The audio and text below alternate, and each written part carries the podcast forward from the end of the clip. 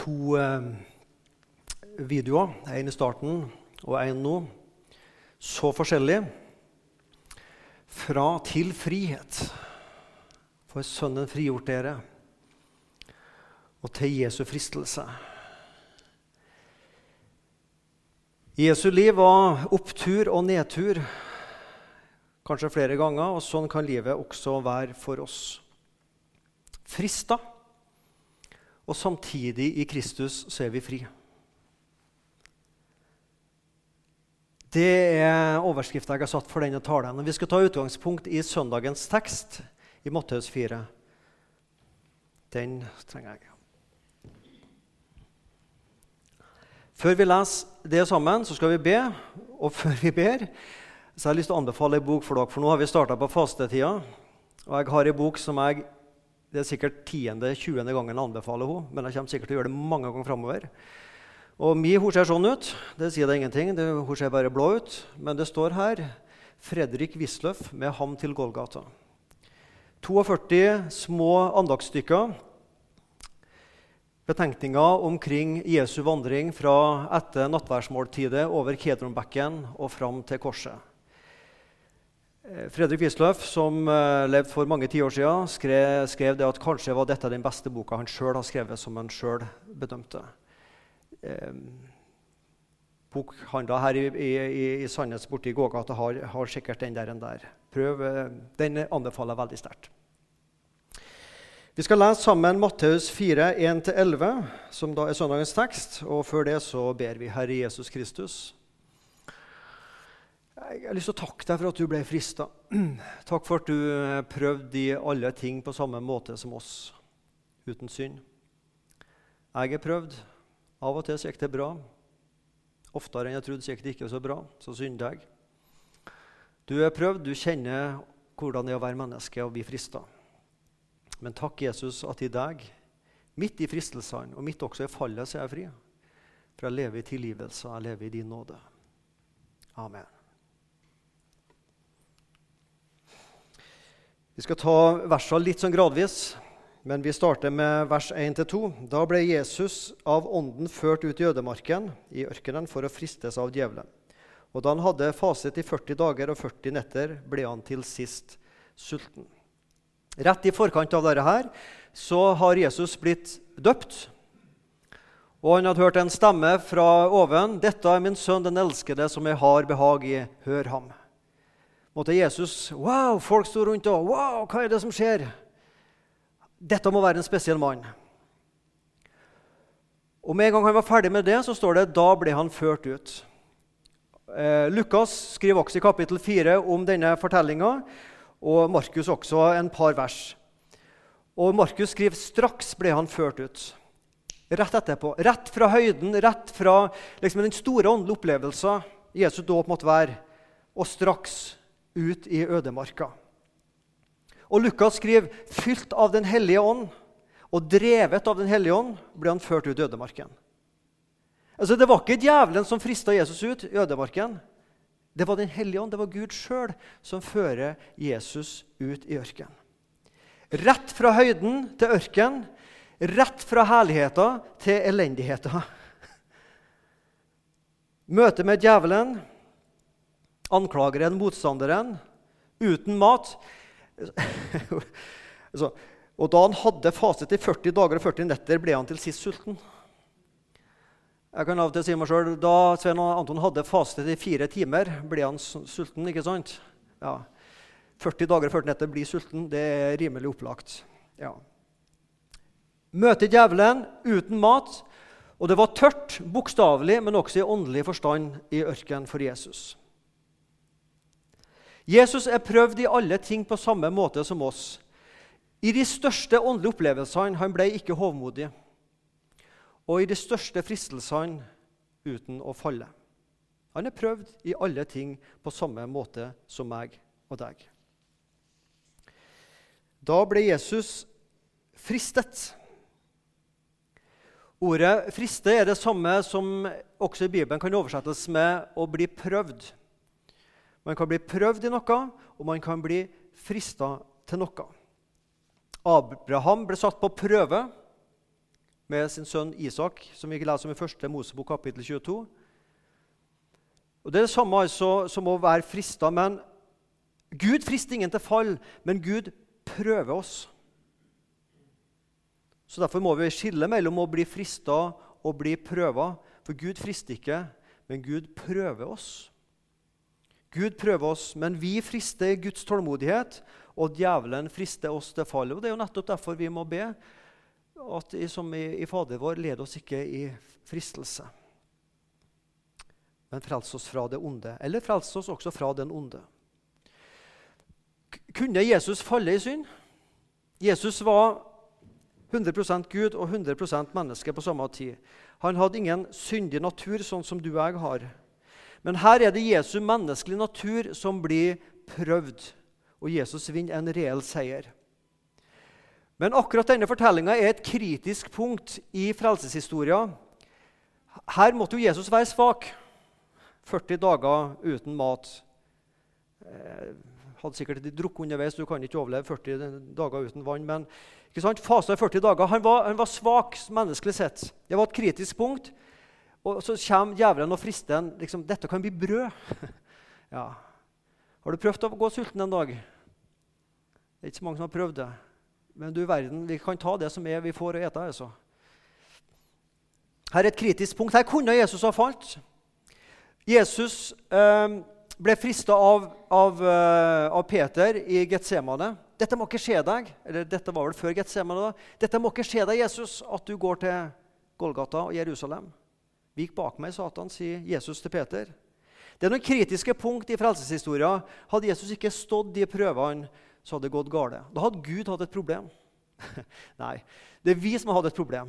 Vi har hatt et kjempeproblem hvis ikke Jesus hadde stått til prøvelser. Så fasten i 40 dager. Og 40 det er ingen tilfeldig tall. Moses 40 dager og Elia 40 dager står det om. Du har hørt det begrepet at ting er i karantene. Det kommer av det franske ordet 'carant', 40. Det er Hvis man er i tvil om noen har en infeksjon, så setter man en, noe, et dyr eller menneske eller noe i karantene i en lengre periode, 40 dager, for å se om ting slår ut. Sånn på en måte var Jesus her i en karantenetid. Hvordan ville Jesus takle å bli frista? Hvor lenge Jesus 40 dager, som jeg sa, jeg kanskje fire timer. jeg vet ikke, men Hvor lenge klarer jeg og du å avstå fra jordiske goder for å konsentrere oss om Bibel og bønn? Det spørsmålet syns jeg vi godt skal ta med oss hver dag nå i fasetida. Hva kan vi legge litt til sides? For noen kan det være mat. For andre kan det være kanskje at du skal legge avisa til side om morgenen og heller starte med og les f.eks. fra Med han til Golgata eller en, en annen andagsbok. Start med det. Kanskje før du spiser frokost også. Det er noe hva vi setter først. Kanskje noen av oss skal logge oss ut av Facebook for noen dager. Kanskje noen skal logge oss ut av andre ting. hva vet jeg. Noen ting vi må forsake, det har vi godt av. For å konsentrere oss mer om Bibel og bønn. For det der er vanskelig. Jeg syns det. Jeg sitter av og til og hører på, har radioen på hvis jeg sitter og jobber noe. og Da kan det være at det er for morgenandakten på, på, NRK. Og Så er det en andakt først, og så er det Fader vår. Og Av og til så har jeg, sitter jeg jobber litt mens jeg hører andakten. Men jeg har bestemt meg når det kommer til Fader vår velsignelser, da skal jeg legge alt til side. Da skal jeg konsentrere meg. Og så har jeg tatt meg i det så mange ganger. Altså, jeg, jeg, klarer jo ikke Fader vår engang å be det uten at jeg begynner å tenke på noe annet. På arbeidsoppgavene jeg skal i gang med, eller lunsjen eller neste fotballkamp eller hva det nå er. Det, et eller annet er det som tar meg. Jeg klarer ikke Fader vår engang. Har du prøvd det? Jeg klarte det én gang. Da klarte jeg hele Fader vår uten å tenke på noe annet. Men så oppdaga jeg det. Jeg hadde brukt hele Fader vår på å tenke på at jeg ikke skulle tenke på noe annet. så hadde du ikke klart det. Ja. Men, men, men, sånn er vi mennesker. Kan vi, kan vi rydde noe til sides i fastetida for å ha en dypere konsentrasjon om Bibel og bønn. Og Fristeren kom til ham og sa, 'Er du Guds sønn, så si til disse steiner at de skal bli til brød.' Men Jesus svarte og sa, 'Det står skrevet:" Mennesket lever ikke av brød alene, men av hvert ord som går ut av Guds munn. Djevelen han vrir på ting, og så er han god til å stille spørsmål med ting. Har Gud virkelig sagt? Det første, du nesten hører fra, det er det første vi hører fra han i første Mosebok. Har Gud virkelig sagt? Altså, den første måte, som stiller spørsmål med det, det, det Gud har sagt. Vi, vi, skal, vi, har lov å stille Gud spørsmål. Det har vi lov til. Men det er forskjell på når vi opplever vanskeligheter og kan stille Guds spørsmål, men det å stille spørsmål for å kritisere og dømme Guds ord i stedet for å la Guds ord dømme meg. Og så er, er, det på en måte her hos djevelen at han Jesus, du må bevise at du er Gud. Gjør et nytt manna-under. Jesus, nå har du sjansen, slik som manna-underet var for, i, i, ødemarka for, for jødene. Nå har du sjans med denne steinen å gjøre den til brød. Et nytt manna-under. Bevis hvem du er, og hva du kan, Jesus. Og så er vi litt som mennesker. Jeg vil ikke tro før jeg ser beviser. Hvis ikke du, Jesus, ordner opp i dette, her, så vil ikke jeg tro på deg lenger. Eller bare hvis Jesus har gjort litt større og mer synlige ting, da ville mange flere mennesker ha trodd på Jesus. Kanskje.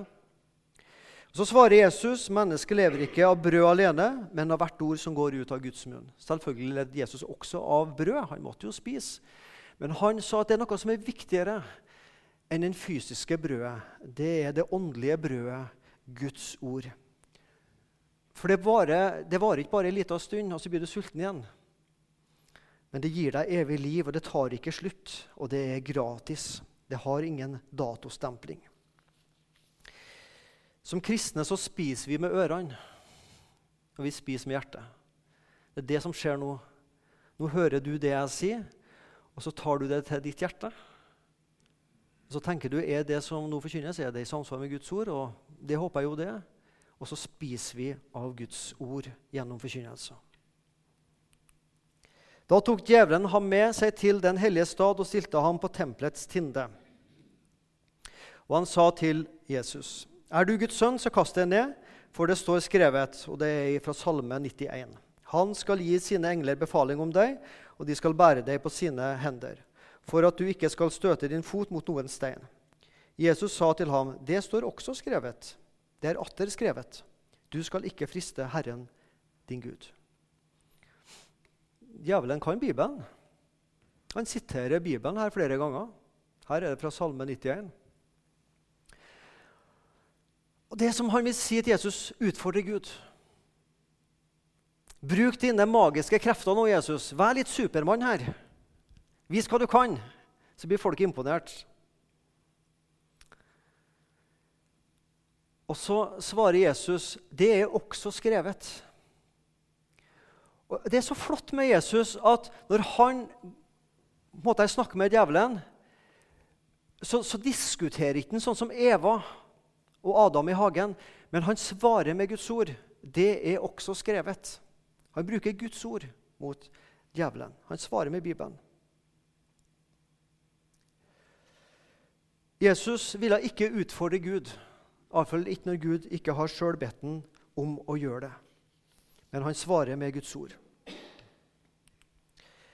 Igjen tok djevelen ham med opp på et meget høyt fjell og viste ham alle verdens riker og deres herlighet. Og han sa til ham, Alt dette vil jeg gi deg dersom du vil falle ned og tilbe meg. Da sa Jesus til ham, 'Bort fra meg, Satan.' For det er skrevet, 'Herren din Gud skal du tilbe, og ham alene skal du tjene.' Da forlot djevelen ham, og se, engler kom og tjente ham.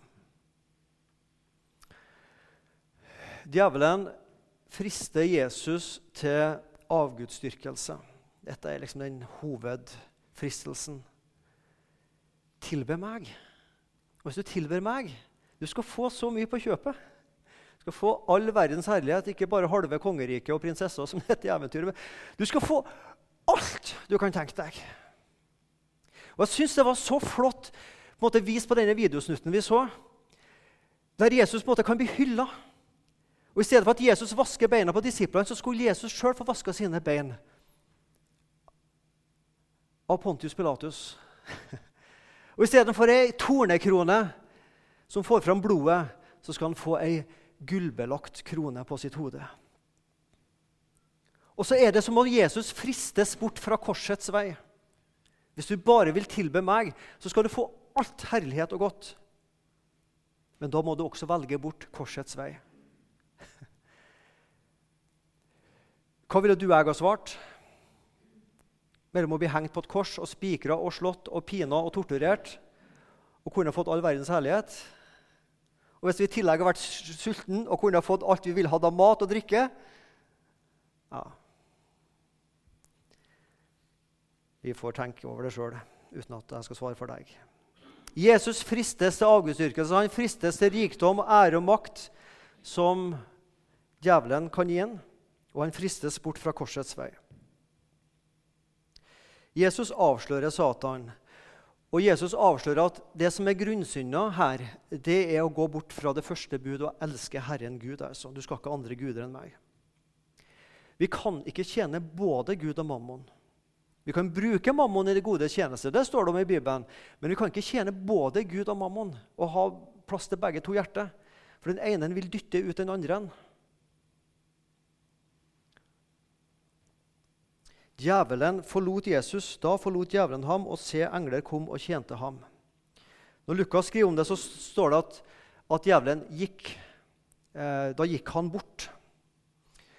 Jeg har prøvd å lete på Google etter dette Luther-sitatet, men eh, jeg har brukt det noen ganger. Jeg har hørt andre sagt det, så jeg får håpe at det er sant. At Luther visst en gang skulle sagt at hvis du ber, så går djevelen. Hvis du tilber og lovsynger, så springer han. Iallfall så var det veldig godt sagt. Hvis ikke Luther har sagt det, så burde han ha sagt det. for det var veldig godt sagt. Da gikk djevelen bort fra han. Hva gjorde Jesus disse 40 dagene i ørkenen? Tror han gikk rundt og spente småstein og kikka på klokka. Ja, ja, 39 dager igjen. 38 dager igjen. Og spente småstein og kikka på det som måtte krype av skorpioner. og sånn. Jeg tror Jesus levde i bønn, intens bønn disse 40 dagene. Og det tror jeg var med at han også seira. Han levde med Gud. Han var jo Gud. Men han levde tett med Gud hele disse 40 dagene. Han tilba Gud, og djevelen måtte flykte for Jesus. Da forlot han ham for en tid, skriver Lukas når han forteller om samme historien. Da forlot djevelen han for en tid. Det stemmer, det. Det var for en tid. Djevelen kom tilbake på ulike måter og prøvde å friste Jesus bort fra korsets vei. Vi kan også oppleve at djevelen frister oss, forsvinner, men han er dyktig å komme tilbake når han finner svake punkter i mitt liv. Fristelse. Du skal få noen sitater om fristelse. Og det vil ta deg brøkdelen av et sekund å skjønne at disse sitatene her, de står ikke i Bibelen. Faller du for fristelsen, så nyt den i alle fall. Jeg unngår som regel fristelser med mindre jeg ikke kan motstå dem. Jeg kan motstå alt unntatt fristelser. Led meg ikke inn i fristelse, jeg kan finne veien selv. De fant jeg når du vet du skriver inn på data, sånn, så hopper de opp sånn. Det var sitat om fristelse. Ordtak. Står ikke dem i Bibelen, det skjønner vi fort. Fristelser det rammer enhver våken kristen samvittighet. For vi har en forståelse av forskjell på godt og ondt ut fra Guds ord. Noe kan vi si ja til, og andre ting må vi si nei til, som er skadelig og ødeleggende. Og det her med fristelser det blir vi særlig prøvd i når vi har et bevisst forhold og nært forhold til Gud. Jeg fant et flott sitat som går sånn Jeg skal lese det to ganger, for det er så godt sagt. Samme hva slags synd et menneske kan bli fristet til å gjøre. Han eller hun vil tjene mer på å stå imot enn å gi etter. Et menneske viser seg som en kristen når en velger å lide fremfor å synde. Ved å lide kan du unngå å synde, men ved å synde kan du ikke unngå å lide. Merk deg dette. Du vinner intet på å synde, og du taper intet på å være hellig. Skal vi ta en gang til? Samme hva slags synd et menneske kan bli fristet til å gjøre, han eller hun vil tjene mer på å stå imot enn å gi etter. Et menneske viser seg som en kristen når en velger å lide fremfor å synde. Ved å lide kan du unngå å synde, men ved å synde kan du ikke unngå å lide. Merk deg dette. Du vinner intet på å synde. Du taper intet på å være hellig. Hva tenker du når du hører ordet fristelse? Det kunne vært interessant. Jeg tror Det er et eh, begrep som vi av og til bruker. Kanskje ikke hver dag, men vi har et forhold til det. For vi kjenner fristelser hver dag. Google.no. Fristelse. Hva kommer opp da? Jo, da fant jeg Idas fristelser på TV3. Bakeentusiast og sjokoladenerd. Hun hadde mange flotte fristelser som jeg fikk lyst på når jeg kikka hva hun baka. Epleostekake med karamelltopping kan du unngå å bli fristet. Ostekake gjør alltid lykke. Her er en variant med epler og sprø topping som i tillegg krones med karamellsaus. Jeg kjente nesten hvordan det rant over. Ja. Eller om kosthold. Slik unngikk vi å bli fristet. Fråts i grønnsaker, drikk en kopp lakriste eller skaff en treningsmakker.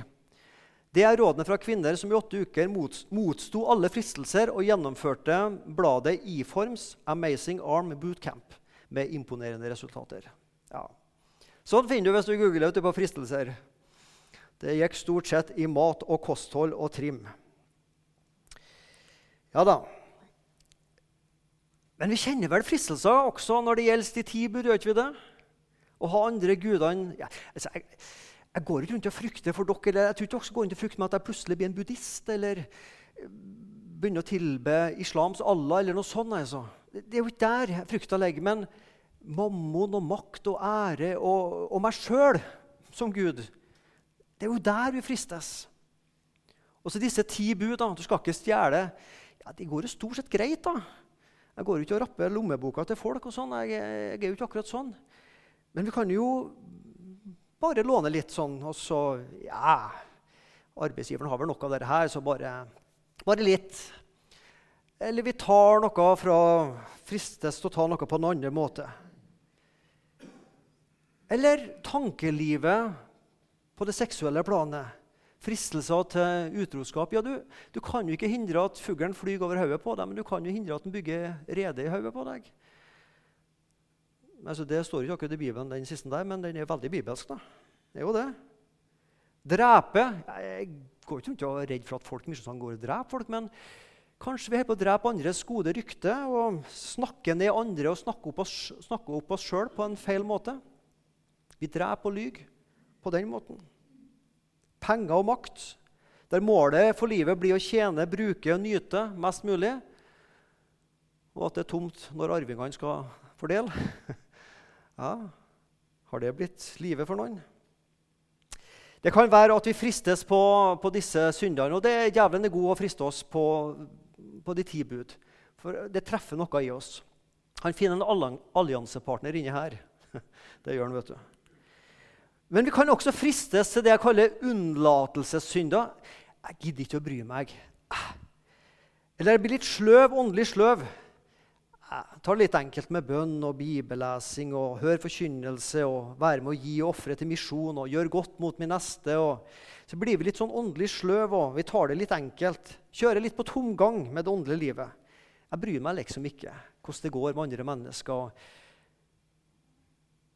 Og Jakob, Jesu bror, skriver noe om det her med å Når vi vet hva godt vi bør gjøre, men ikke gjør det, så synder vi. Unnlatelsessynder. Eller jeg kan bli frista til å ta det feil og enkelt å misforstå Jesus' soningsdød. Frista til å tenke at Jesus' soningsdød det gjelder iallfall ikke mine store synder. Altså de største, dem som liksom åh, Jeg husker på dem ennå etter 40 år. Det, det, det, gjelder jo de små, enkle. Det er jo greit, altså. Men, men det var liksom de, de tre-fire der, altså. Å tro at de ikke gjelder de syndene, frister seg til. Jeg fristes å tro at Jesus' sone ikke gjelder gårsdagens synder. De som djevelen er så flink til å minne meg på. Husker du, Svein, det du sa? Husker du, Svein, det? Ja, jeg vet, jeg er så klar over det jeg sa. Jeg er så klar over det jeg gjorde. Jeg kan huske det ordrett sjøl etter 40 år. altså. Og så er han så flink til å minne meg på gårsdagens synder. Og så sitter jeg fast i gårsdagens synder. Og så frister han meg til å tro at Jesu blod ikke gjelder gårsdagens synder. Eller jeg fristes å tro at Jesu død ikke er nok. Det er bra, men det er ikke nok for Gud. Ja, Vi fristes på så ulike måter. Vi kan også fristes når det gjelder å gå oss inn i mismodighetens spor eller bekymringene som så lett henger fast på oss. Bekymringer, fortida. Det jeg ikke kan gjøre noe med. Hva tenker folk om meg siden jeg sa det og gjorde det? Så bekymrer jeg meg for det mange år. Det er jo ingen som husker det, selvfølgelig, men jeg husker det, og så bekymrer jeg meg for hva tenker folk om meg da.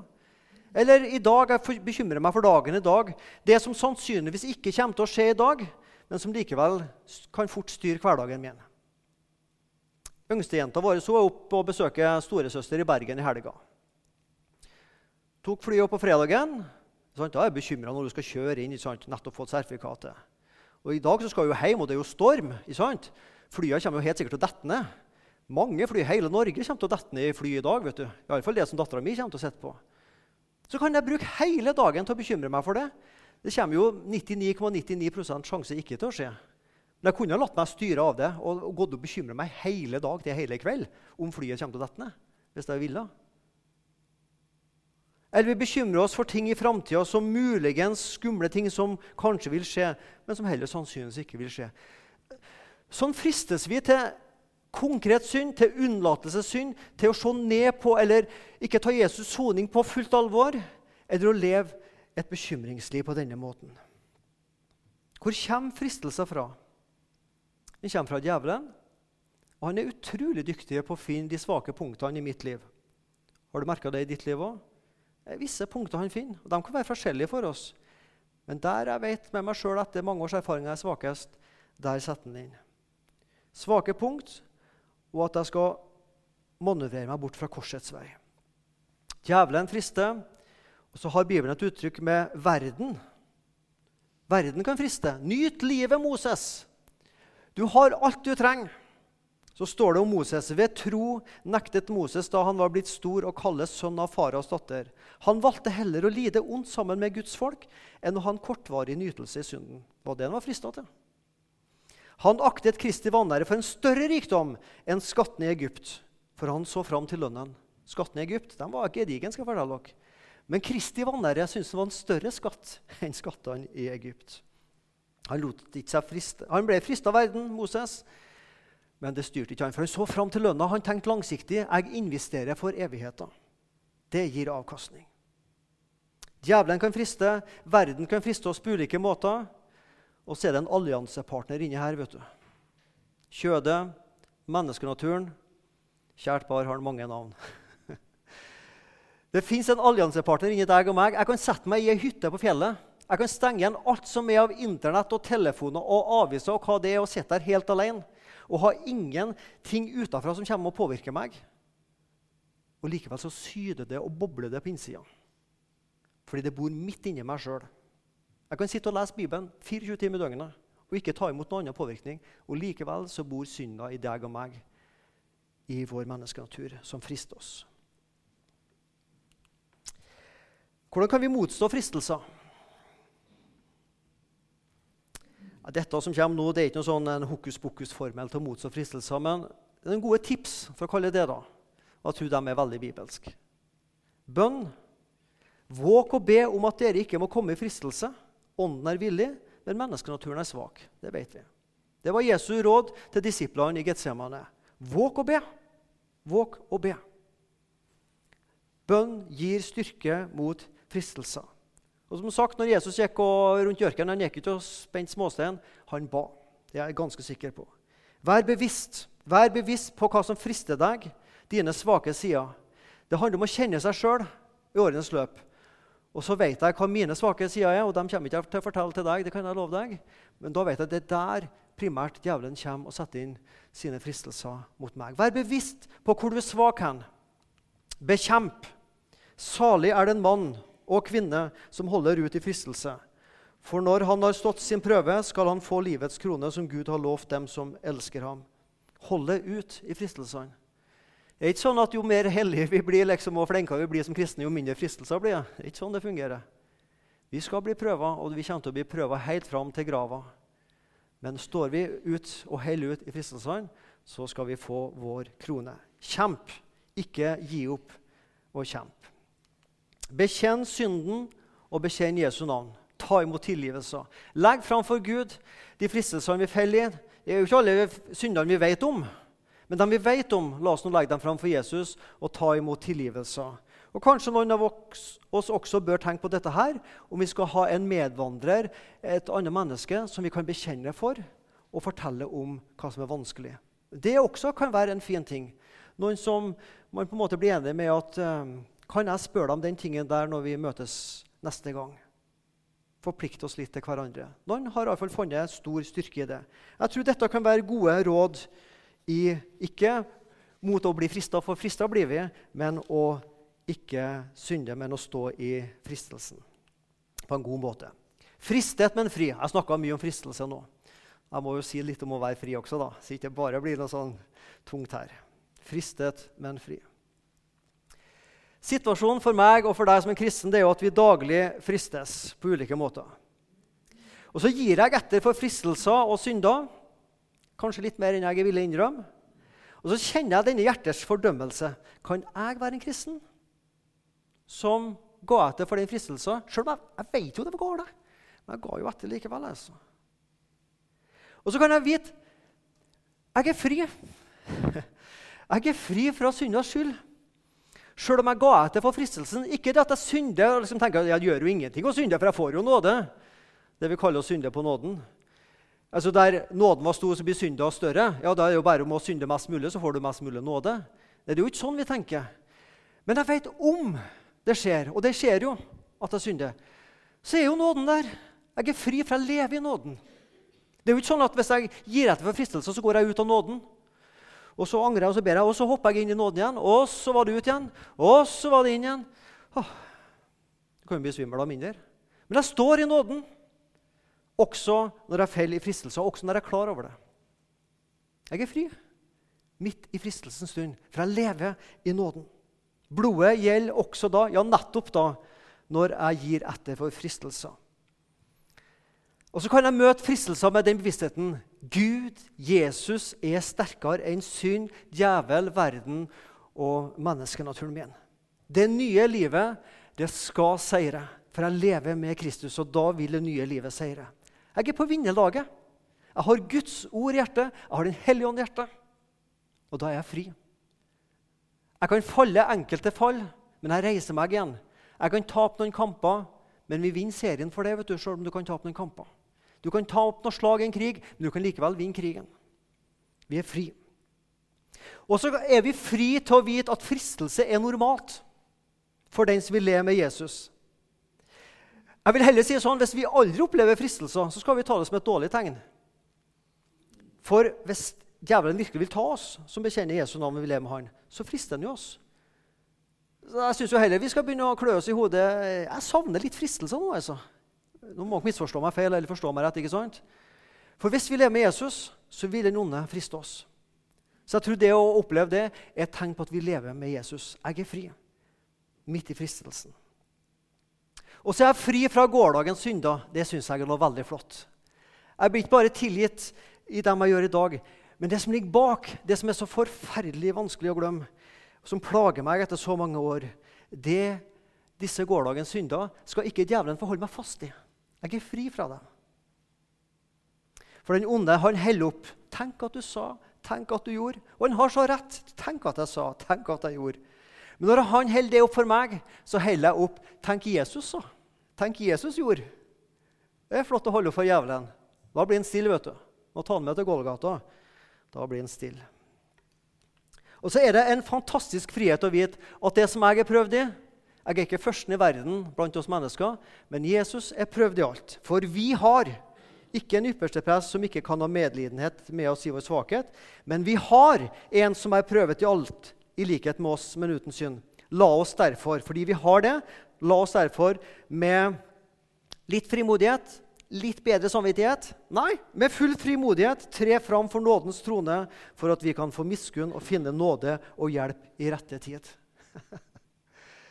Den friheten lever jeg i. Jeg har en bror som ved min side. Han vet om min sak. Han vet hvordan jeg er prøvd, for han er prøvd i alle ting på samme måte som oss. Skal få en liten, fin, en liten finurlighet her, eller en fin liten sak. Matteus og Lukas skriver om Jesu fristelse. Markus skriver to setninger, og en av de setningene Markus skriver, så skriver Markus han holdt til blant ville dyr. Så kan vi lure på altså, Hvorfor skriver han det? Er det for å si at Jesus var med skorpioner og løver? Jeg vet ikke hvilke ville dyr det var. ute der. Det har en hensikt. Markus skriver til romermenigheten. Og Romermenigheten var i prøva menighet. Der visste de at hvis de var for tydelige med sitt kristne vitnesbyrd, så ble de kasta til de ville dyr. Ikke sant? I det der opplegget de har i Roma. Og så skriver Markus til de kristne i Roma Jesus holdt til blant de ville dyr. Det som Markus vil si, kjære kristne i Roma, når dere risikerer å bli kasta for disse løvene i Kolosseum, så skal dere vite Jesus har også vært sammen med ville dyr. Han vet også det, hvordan det er. Det var Markus' sin hensikt med å skrive denne setningen. Jesus holdt til blant de ville dyr. Du har en bror som kjenner akkurat din sak, akkurat sånn som du har det. Han er prøvd i alle ting. Jeg skal, å, oi, jeg skal, avslutte med å, fortelle dere en historie fra denne uka. her. Og den har noe poeng. Onsdag som var i uka, så Terje Eggebø og Ole Lindefjell og meg dro en tur til Kristiansand for å ha et lite møte med noe, to stykker fra noe, noe, som heter NLM Eiendom. Og Hva vi snakker om, det får du først høre hvis du kommer på årsmøtet på onsdagen. Så var det møtet ferdig, og så skulle jeg være igjen i Kristiansand. fordi at eh, På torsdagen skulle jeg ha min første arbeidsdag i Norea Mediemisjon. Så jeg ble igjen i Kristiansand. Og en lang historie og en detaljert historie i kortversjon. Eh, jeg våkna tidlig på natta og fraus. Uh, og kjente etter hvert at jeg må på do. Ja, nå trenger ikke jeg være veldig detaljert, men jeg sprang en del ganger på do i løpet av natta. Og liksom magen ble tom, kan du si det sånn. da. Så jeg skjønte fort at en eh, arbeidsdag sammen med nye kollegaer eh, Smittesjuk og sånn, det er ikke det beste. Så jeg måtte ringe eh, Per Birkeli, som da er daglig leder i Norea, på morgenen sier at jeg, jeg, må bare sette meg på toget og komme meg hjem, for, for jeg har spydd i hele natt. Eh, nå var ikke spysjuka, Det viste seg ettertid at det var matforgifting, men det er en helt annen historie. Så, men, eh, så jeg er ikke smittsom, bare så det er sagt. Så jeg satte meg på toget på torsdagsmorgenen, to timer, urolig mage, på et tog som rister litt, i to timer. Og jeg vet jo, det, det, det var jo ikke noe alternativ. Jeg kan ikke sette meg til i Kristiansand en hel dag og håpe jeg skal bli frisk. Jeg må bare komme meg hjem. Så det var to timer med toget. Det er gått en halvtime. Det er bare tre halvtimer igjen. Nå har det gått en time. Nå er vi på Storekvina. Nå har vi kommet halvveis. Jeg trenger ikke å ta detaljer her, men eh, da jeg kom til Egersund, så kom jeg ut med beina først. Ned først. Ikke liggende, men stående. Så det gjorde jeg, men med atskillig mindre mageinnhold enn da jeg starta på reisa. Eh, så jeg kom hjem, og det har det er godt å komme hjem, det er det alltid, men det har sjelden, det har aldri vært så godt å komme hjem. Til ei varm seng, stenge igjen alt, bare legge seg under dyna og sove seg frisk. Hvorfor forteller jeg denne historien her? For jeg er jo sånn sammensatt som predikant at når jeg opplever ting, så tenker jeg er det noe poeng her jeg kan ta med meg i en preike. Sånn er jeg alltid. Og det er det. Du skal få tre grunner til at jeg forteller denne historien. Den første grunnen er som følgende. Vi skal tenke oss En urolig mage det må være å bli frista. Og et urolig, ristende tog det er å møte fristelsene i livet med et ustødig fundament for livet. Altså Sjelden har jo toget rista så mye. Det gjør jo det til vanlig, men da merker jeg det jo ikke. Men det, hvis du har en urolig mage på et ristende tog, eller hvis du møter fristelsene i livet med et ustødig underlag, så skjønner vi fort dette går ikke bra. Hvis det eneste fundamentet i møte med fristelser er hva jeg føler er rett for meg her og nå, hva jeg har lyst til Hvis det er mitt fundament, som er et sviktende fundament, så skjønner vi det går ikke bra. Da blir det fall. Urolig mage, fristelser, vil alle møte i livet. Men når fundamentet er stødig, så går det bra. Og at, Jeg satt og tenkte på det på toget. Hva er et stødig fundament? Jo, det må være en gudsfrykt. Gud har sagt at dette ikke er rett. Nei, men da gjør ikke jeg det. Jeg frykter Gud. Jeg har en bror, jeg har Jesus, som har møtt de samme fristelsene og sto i dem. Skal jeg falle? Og jeg har nåden som tilgir. Skal jeg unne meg å synde på nåden? Det å ha en ustødig mage, Så det å møte fristelsene på en stødig grunn, da kan jeg falle på noe trygt, for jeg kan reise meg igjen. Men å prøve å stå stødig på en utrygg grunn, det går bare galt. Vi kan falle, og det vil vi gjøre, men vi kan reise oss igjen. For vi har et trygt fundament i nåden, i gudsfrykten, i Jesus Kristus. Det var første grunn til jeg fortalte dere denne historien. Den andre tingen jeg lærte av denne historien, det var denne frihetsfølelsen når jeg kom hjem. Minstejenta kom og hentet meg. 'Å, pappa.' Og først hun sa jeg syntes det var så flott å bli møtt der. 'Å, pappa.' Og hun syntes så synd på meg. Og Så kjørte hun meg hjem, og så gå inn og opp trappa og møte kona og, og, og, bare kan legge meg og stenge ut og alt. Liksom. Jeg gikk og sang på denne sangen. 'Være hjemme, være hjemme, fri fra sorger og besvær'. Ikke sant? Åh, det, det, det føltes som å være i himmelen, rett og slett. Altså. Når livet er ustødig, og du faller for fristelsene, og det å komme til noe trygt og stødig, dette håpet som jeg lever i og har Om jeg faller, så faller jeg i Kristus. Og jeg er likevel på vei hjem til det trygge landet. Det var den andre grunnen til at jeg fortalte dere det. Og den siste og den tredje grunnen til at jeg fortalte dere det, det var for at dere skulle synes synd på meg og få litt medlidenhet. Takk, Herre Jesus Kristus, for at du har prøvd i alle ting på samme måte som oss. Du sto stødig i prøvelsens tid. Og takk for du ga oss friheten. Når jeg og vi faller, og det gjør vi, så kan vi falle på en fri og en trygg grunn av nåde og reise oss igjen. Og bli reist opp igjen i deg, Herre Jesus. Takk for det. Amen.